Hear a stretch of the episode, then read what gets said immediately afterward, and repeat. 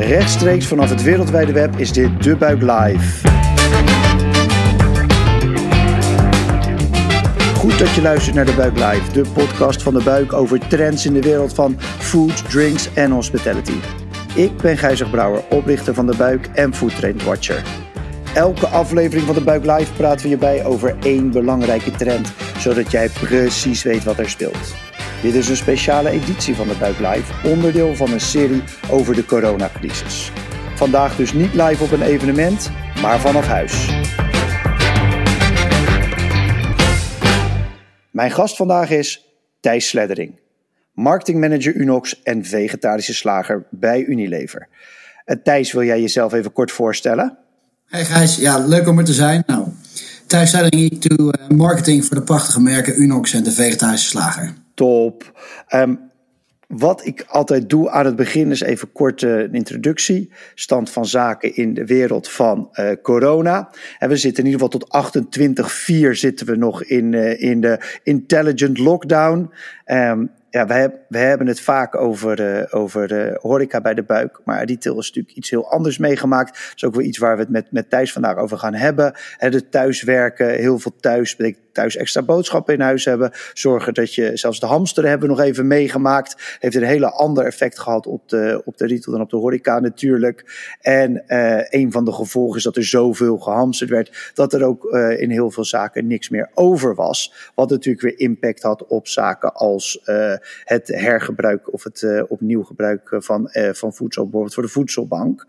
Um, dus dat is een, een hele andere situatie. Stiekem merken we al, hè, we hoorden het ook al bij Rutte van de week, er is een soort van lichte normalisering, het nieuwe normaal. We kijken alweer door de, door de lockdown heen. Dus dat is wel bijzonder. Maar we zitten er nog middenin.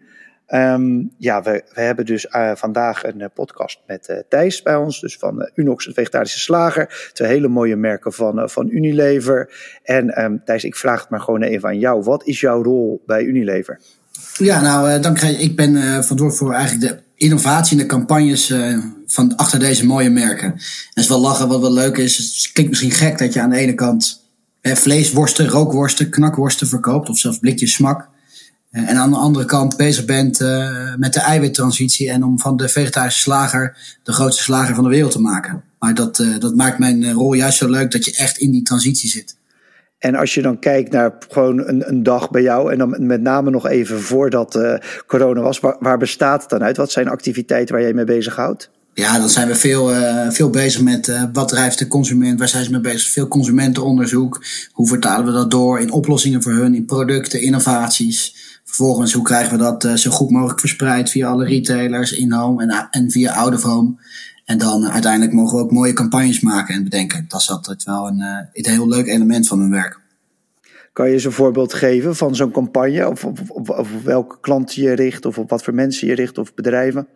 Ja, nou dus bijvoorbeeld uh, voor de vegetarische slager zijn we dan nu op zoek. Weet je, wat zijn nou uh, het huidige aanbod van vleesvervangers? Wat ontbreekt er nou nog echt? Nou, dan vonden wij bijvoorbeeld een echt goede schnitzel die uh, ontbrak. Of het is dan vaak een schnitzel met kaas of tomaat Dus we hebben nu net de Aufwieder schnitzel gelanceerd. En schnitzel zo, zo lekker dat die snel, heel snel terug op je bord is. En uh, dan is het wel leuk om te kijken hoe we die vervolgens groot kunnen maken. Alleen uh, het is jammer dat vervolgens door corona uh, je hele campagne stopt. Want dat is wel de nieuwe realiteit helaas. En, en, en voordat die stopte, betekent dat gewoon, moet ik dan aan televisie denken of PR of wat voor dingen, waar, wat voor, hoe zet jij een campagne in elkaar? Ja, dus dan kijk je inderdaad naar uh, zware above-the-line campagnes. Dat is vaker wat je bijvoorbeeld Unox uh, ziet doen. Maar het interessante is, uh, zeker met de vegetarische slager, dat is toch anders. Hè? Die jongens zijn groot geworden door geen enkele cent in reclame uit te geven, zeg maar. Alles is volledig verdiend zelf. Speelde PR een grote rol. gehaktbal als derde in de gehaktballenwedstrijd, dat soort mooie stunts. En dus hier is het wat anders. Hoe ga je dan als Unilever dit merk nog groter maken zonder dat je het een beetje verpest. En dat je echt die stijl vasthoudt. En dat is wel een leuke, leuke taak. Dus daar kijken we veel per mediakanaal echt naar hoe kan je dat nou anders gebruiken. En uh, bijvoorbeeld, uh, kijk bijvoorbeeld als je naar Out of Home, hè, dus de bushokjes, daar had je bijvoorbeeld posters van Oatly, die zich helemaal niet houden aan de mediaregels, die het medium totaal anders inzetten. En zo kijken wij ook naar elk mediakanaal, hoe hack je dat nou? En past dat in de rebelse stijl van de slager, zeg maar. Dat is wel heel leuk. Klinkt echt inderdaad als een hele leuke klus. De, je doet dat vast niet alleen. Wat, wat voor team heb jij om je heen? Of wat zijn een beetje de directe collega's waarmee je werkt? Met wie je werkt? Ja, dus er zijn een hoop uh, jonge, jonge talenten, zeg maar. Ehm, we, het is heel leuk dat we echt ook nog nauw werken met de echte slagers, zeg maar. Dus daar zitten ook Jaap en Nico bij. Uh, en alle mensen die daar vanaf dag één bij zijn. En uh, wij zijn een beetje de, de Wave 2 slagers. Die dat team nu versterken en zorgen dat het onder Unilever zijn missie bereikt als de grootste slager van Nederland. En verder ja, is het echt jong en oud. We werken ook met specialisten meer op het kanaal. Dus we hebben mensen die ons helpen richting out of home. Hoe zorg je nou dat het product, en je merkt ook in out of home veel sterker. Denk aan het uh, broodje van de vegetarische slager. En bananas, allerlei van dat soort producten. Dat we ook on the go goed, goed beschikbaar en zichtbaar zijn.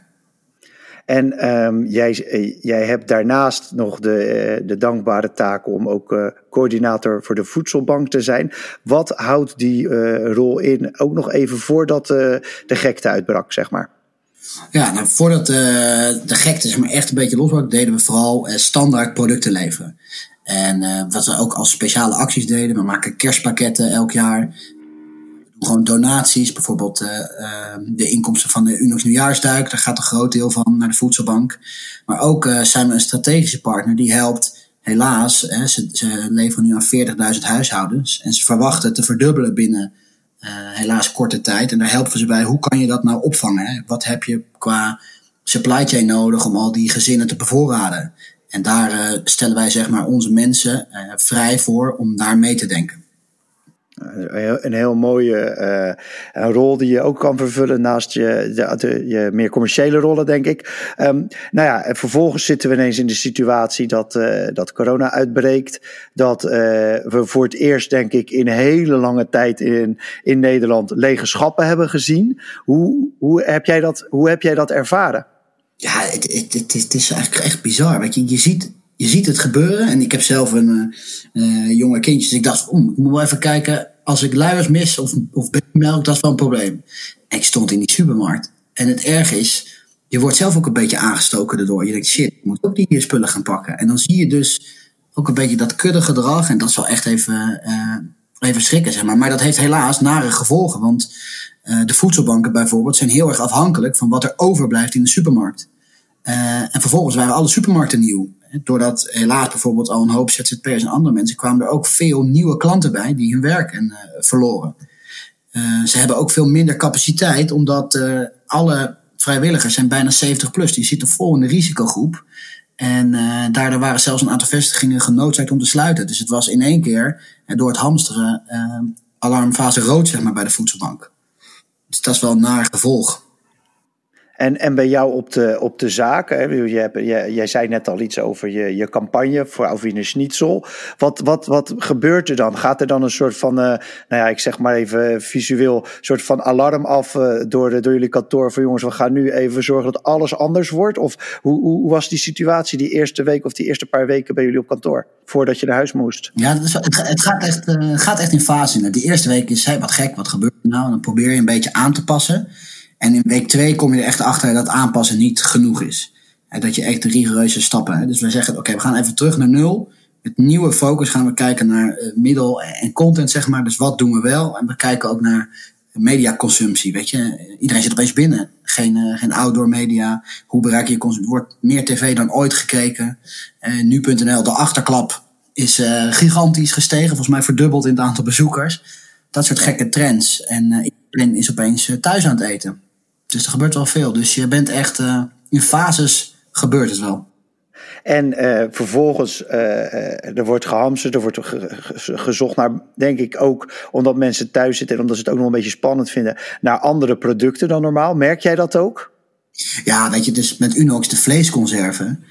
ik zei het net al, de knaks, maar ook een haché of, of een blik smak. Ja, die waren gewoon binnen een dag allemaal uitverkocht. En uh, dus dat zie je gigantisch. Dus uh, voor Unilever, die ziet het zeg maar breed. Dus je ziet dat de in-home, dus alles wat we in retail verkopen, dat gaat gigantisch hard. Maar vervolgens stort de, horeca in. En daar moet je ook, um, uh, dus zo kijken we ook naar wat gebeurt er nu. Met je, wat kan je met je campagnes misschien switchen. Um, en dat consumptiegedrag. Een voorbeeld daarvan is, hè, dus we stoppen met een Unox reclame, maar we gaan wel met een Unox kuppensoep reclame over het nieuwe thuiswerken leuke grapjes maken, zeg maar. Dus zo proberen we ook wel relevant te zijn in deze, deze dagen. Dus dan ben je eigenlijk binnen een paar weken ben je volop omgeschakeld. En uh, dan zitten je reclamebureaus en je mediabureau en al je partners, die zijn ook gewoon direct aangehaakt om hier uh, volop in mee te vallen. Ja. Ja, dat is het leuke. Eigenlijk zie ik er nu meer dan anders. Want we komen bij elkaar, jongens, we moeten hier wat mee. En dan beslissen we bijvoorbeeld om te stoppen met, uh, met de andere Unox-campagnes. Maar switchen naar kuppensoep, wat relevant is. Maar ook bijvoorbeeld, hè, we zien dat mensen opeens heel veel smak en dat soort producten kopen. En veel thuis moeten kopen. Kunnen we ze niet inspiratie verzorgen? Dus we hebben een platform dat heet Lekker Thuis waar we mensen helpen, omdat je toch veel vaker thuis moet gaan koken aan verse inspiratie, recepten of van al die producten die je gehamsterd hebt. Weet je, hoe maak ik daar nou een, mooie voedzame maaltijd voor mijn gezin? Ja, en, en daarnaast zit je dus ook uh, met een hele andere situatie richting de, de voedselbank. Uh, je, je, noemde net al even, zij hebben minder vrijwilligers. Ze hebben vrijwilligers in de, in, die, in, de, in de risicogroep zitten. Ze hebben minder producten. Uh, wat betekent dat dan concreet voor jou om. Uh, hoe, ja, wat, wat moet jij nu doen? Wat, waar ben je nu mee bezig? Dat gebied. Ja, ja je, schiet, dus je schiet gelijk in, in, een soort van helpmodus. Weet je, wat kunnen we doen? Waar heb je hulp? wat heb je nodig, zeg maar? Nou, dan is het eerste echt directe levensbehoeften, eten, producten. Dus we hebben binnen een week uh, hebben we elf vrachtwagens die kant op gestuurd met meer dan een miljoen euro aan waarde van producten. Zeg maar. Dus dat was het allerbelangrijkste. En, en daarnaast gaan we ook kijken van, weet je, uh, wat, is er nog meer hulp nodig? Nou, ze zijn zelf een campagne begonnen, Stay Safe en Geef. Daar hebben we ze geholpen door onze contacten bij de kranten en media zeg maar, aan te spreken of er misschien gratis gepost kon worden voor de campagne. Uh, maar een ander bijvoorbeeld ook is dat we ons netwerk inzetten. Voor de gesloten voedselbanken kan bijvoorbeeld thuisbezorgd niet vanuit daar het wel nog bezorgen bij de families die het nodig hebben. Zo proberen we gewoon overal nergens uh, te helpen. En dat, dat is wel heel, wel heel leuk hoe je ziet hoe dat ontstaat binnen je team. Um, er komt veel cre ja, creativiteit en ehm, toch wel innovatie naar boven. Dat is leuk. En uh, dus inderdaad bijvoorbeeld uh, zo'n zo thuisbezorgd, stappen die dan als partner ook in? Want dit is, jullie zijn partner van de, van de voedselbank, toch? Ja, klopt. Ja, partner. En zij zijn zelf gewoon, zaten zij te denken, kunnen, moeten we hier niet helpen? En hebben contact met ons gezegd, kunnen we kijken hoe we dit samen kunnen doen? En zo zijn wij daar meer een, als partner, waar we ook meedenken hoe ze twee keer zo groot kunnen worden, hier op zoek naar andere nieuwe partners die de voedselbank in deze tijd kunnen helpen, zeg maar. We doen ook veel voor uh, lokaal, zeg maar. Dus naast de voedselbank is echt een nationaal. Maar we zijn natuurlijk wel een Rotterdams bedrijf. dus we zijn met Warm Rotterdam, waar we focussen op Krooswijk en Zuid. Weet je, waar toch echt wel ferme klappen vallen nu. En Sterk in Charlo zijn we bij betrokken. En samen met de gemeente Rotterdam en kijken we hoe we zoveel mogelijk uh, producten bij de mensen die het echt nodig hebben kunnen krijgen, zeg maar. Wat dat is het belangrijkste, is dus het, er moet eten zijn bij mensen die anders uh, letterlijk honger zouden lijden. Dat betekent dat jij dus echt aan het nadenken bent van hoe kan ik en op landelijk niveau, maar ook op lokaal niveau uh, bepaalde projecten begeleiden. Of, maar sturen jullie ook mensen ergens heen? Of wat, wat zijn de concrete dingen waar je dan mee bezighoudt of waar jullie je mee bezighouden? Ja, dat, dat is een last. Het eerste wat ik ook had, weet je, zij zei, we hebben uitval, er zijn mensen ziek, of er zijn, omdat ze allemaal 70 plus zijn, durven ze niet te komen. Ik dacht ook, ik ga daar naartoe, ga de hele dag daar pakketten in, in pakken, zeg maar. Maar dat is toch wel een beetje uh, riskant. En uh, daar, daar zitten we ook, we moeten toch, uh, het is veiligheid op één, je moet goed voor je mensen zorgen. We kunnen ook niet van onze mensen vragen om dat te doen.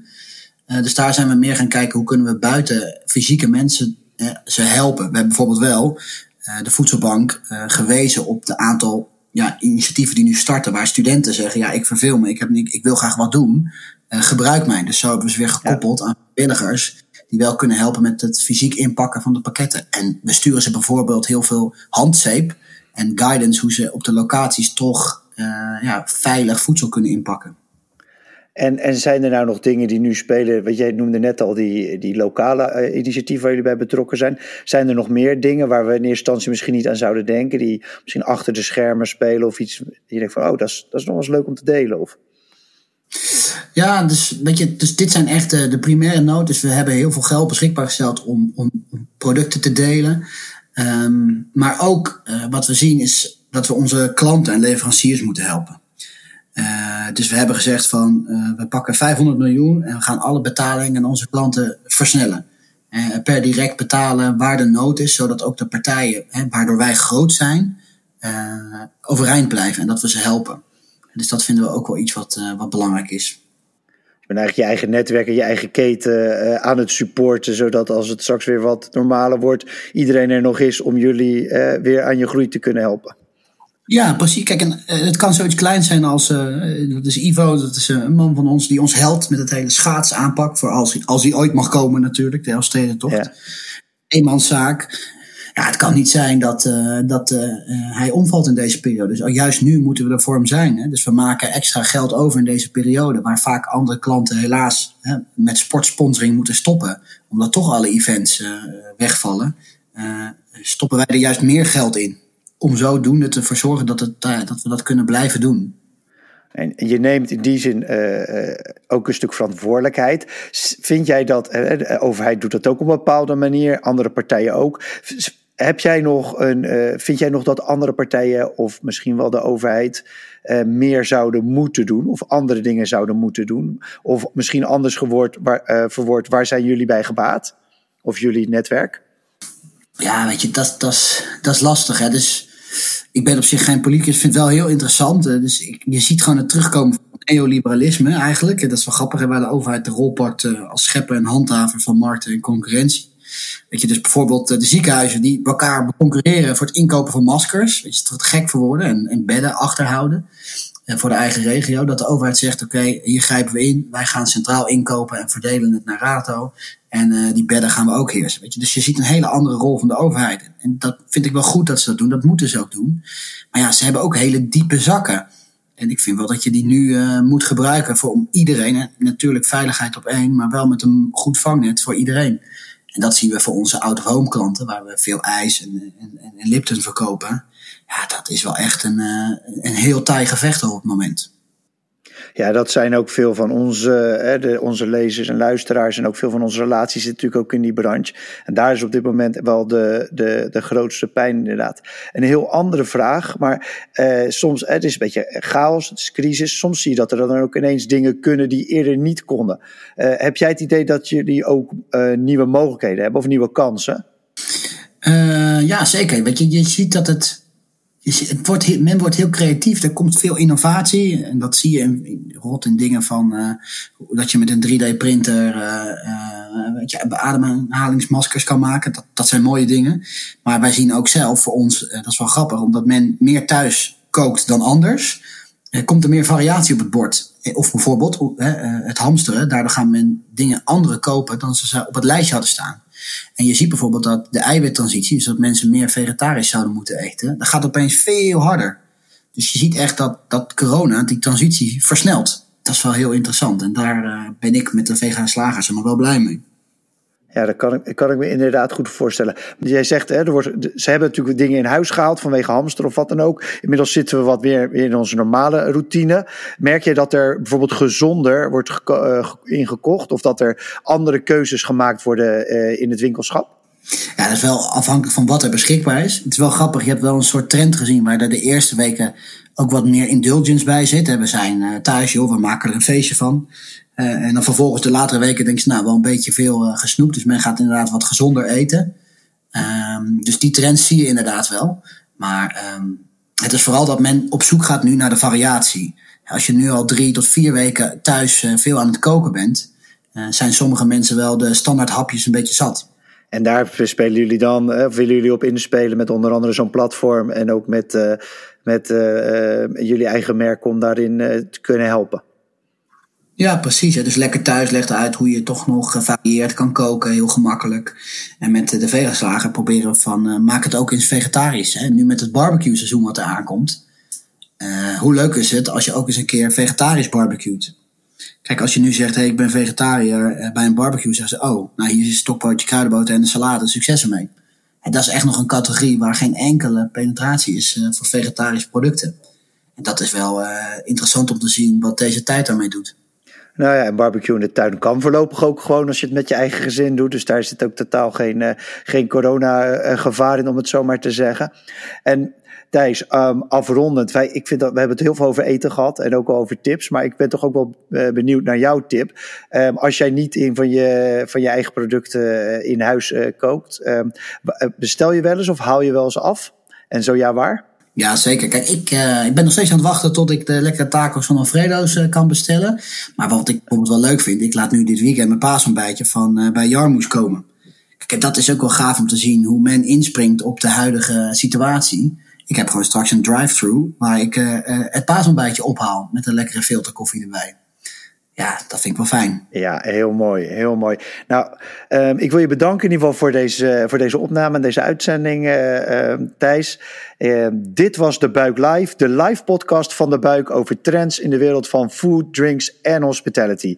Dank wederom aan mijn gast Thijs Sleddering. Ik ben Gijzig Brouwer en vraag jullie maar één ding. Als je het een leuke podcast vond, stuur hem dan door naar iemand anders. Heb jij nog onderwerpen waar we het over moeten hebben? Laat het ons weten in de comments of stuur een berichtje. Dank voor het luisteren en tot de volgende aflevering. Cheers!